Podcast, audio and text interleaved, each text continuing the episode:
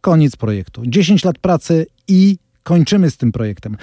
Ta decyzja wczoraj zaszokowała nie tylko wszystkich uważnych obserwatorów y, świata nowych technologii. Z nami teraz Norbert Cała, portal techlove.pl, ekspert właśnie od elektromobilności, który jest w tej chwili na targach Mobile World Congress w Barcelonie. Dzień dobry panu. Dzień dobry, dzień dobry. Rzeczywiście pana też zaskoczyła ta wiadomość, że Apple porzuca swój projekt budowania elektrycznego auta?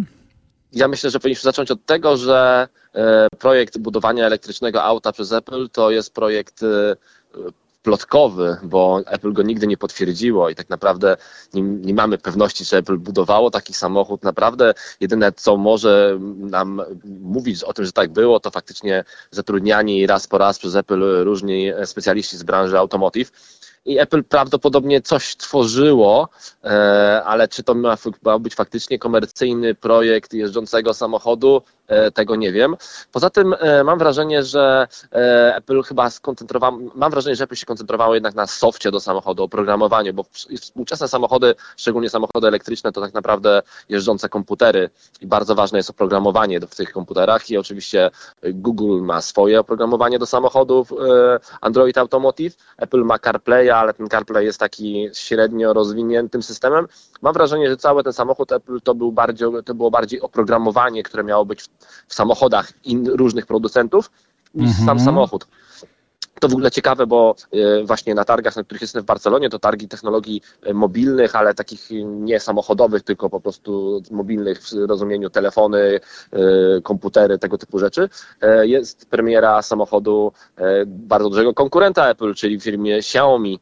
I Xiaomi tutaj pokazało produkcyjną wersję swojego samochodu SU7, którego produkcja właśnie się zaczęła. Więc firmy technologiczne na pewno wchodzą do branży automotive, odkąd ona stała się taka właśnie technologiczna mocno.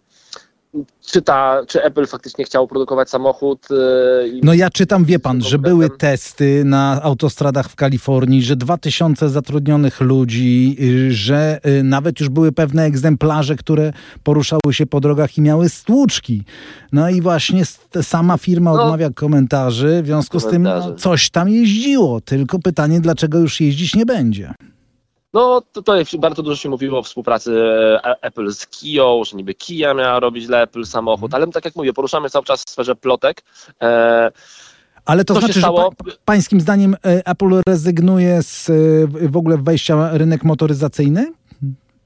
Mam wrażenie, że jeżeli chodzi o, że ten rynek motoryzacyjny ostatnie 10 lat się bardzo mocno zmienił, wyrosła ogromna konkurencja firm chińskich, te firmy wyszeliły motoryzacyjnie bardzo mocno, E, rynek stał się dość ciasny i myślę, że jeżeli faktycznie był projekt robienia samochodu, no to i, tworzenia go nawet w kooperacji z jakimś producentem klasycznych samochodów, no to analiza rynku i tego, co się dzieje właśnie w Chinach z motoryzacją, ono skutecznie wybiła te pomysły komuś z głowy.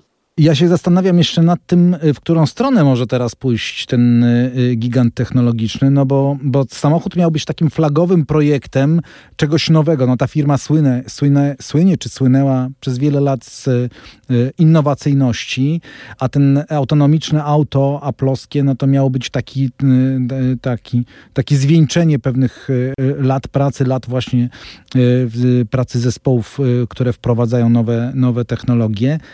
Teraz mam takie wrażenie, że może być zastój. No, pamiętajmy, że kilka tygodni temu mieliśmy rynkową premierę innego bardzo innowacyjnego urządzenia od Apple, czyli Apple Vision Pro. Czyli no i nie spotkało się to z jakimś hura, y, hura przyjęciem, prawda?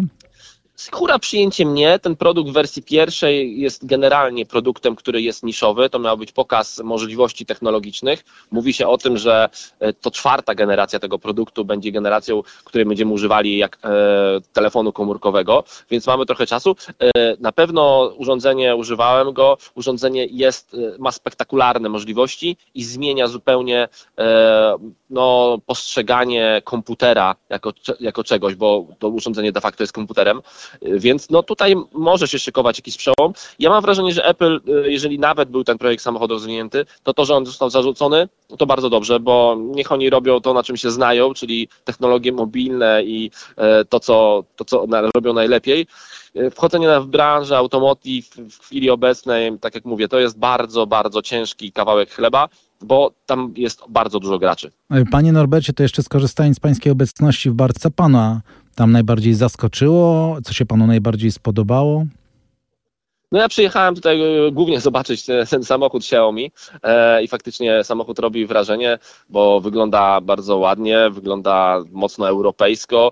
W Chinach będzie kosztował bardzo rozsądne pieniądze, więc na pewno to bardzo ciekawa premiera i nie mogę się doczekać e, możliwości pojeżdżenia tym samochodem, więc to ekstremalnie, ekstremalnie ciekawa rzecz. Poza tym e, mam wrażenie, że tym, co mnie zaskoczyło, to to, że tu niewiele się tak naprawdę dzieje, te targi, nie ma tu żadnych przełomów i tak faktycznie chyba ten rynek czeka troszeczkę na jakiś przełom, bo oczywiście każdy pokazuje nowy telefon, nowe, nowe lepsze procesory w tym telefonie, niektóre firmy pokazują jakieś projekty, które nie mają szans powodzenia, jak laptopy Lenovo z przeźroczystym ekranem, albo telefony, które można sobie owinąć wokół dłoni. Wiadomo, że to są projekty takie bardziej e, robiące show, po to, żeby ktoś mówił o tych firmach i mam wrażenie, że dużo tutaj takich produktów na tych targach, które wiadomo, że nie są produktami komercyjnymi, wiadomo, że nigdy nie wejdą do sprzedaży, ale pokazujemy je, bo po to, żeby o nas mówiono, bo są w jakiś sposób no, robią wow, a z drugiej strony no, mam wrażenie, że branża trochę mm, złapała zadyszkę.